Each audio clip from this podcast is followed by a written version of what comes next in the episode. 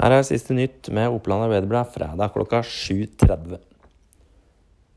Mange opplever larveinvasjon i matavfallsdunken sin i varmen denne sommeren. Avfallsselskapet Horisont henter matavfall bare annenhver uke, og ikke hver uke som det var før.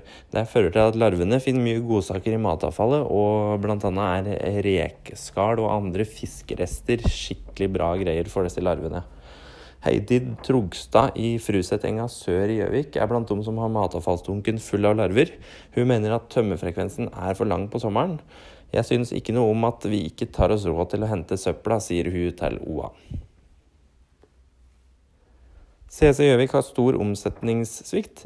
CC-sjef Vibeke Askevold forklarer det med at det har vært fire færre leietakere på senteret i første halvår 2019 enn på samme tid i 2018. Til tross for nedgangen er CC Gjøvik det senteret i Innlandet med størst omsetning.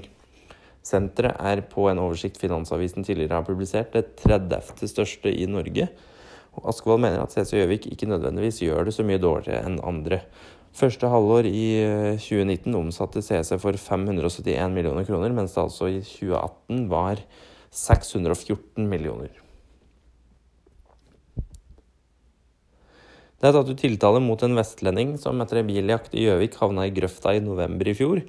Mannen han nekta å stoppe for en politikontroll og ble jakta på av politiet gjennom Gjøvik. Han kjørte både gjennom Kopperud, Thomasdalen og Kirkeby før han etter hvert havna i grøfta.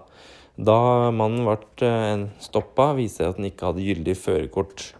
Til høsten må han møte i retten på Gjøvik. Følg med på OL.no for oppdaterte nyheter utover denne fredagen, bl.a. med direktesendt kvartfinale for jenter 19 i Norway Cup. God fredag.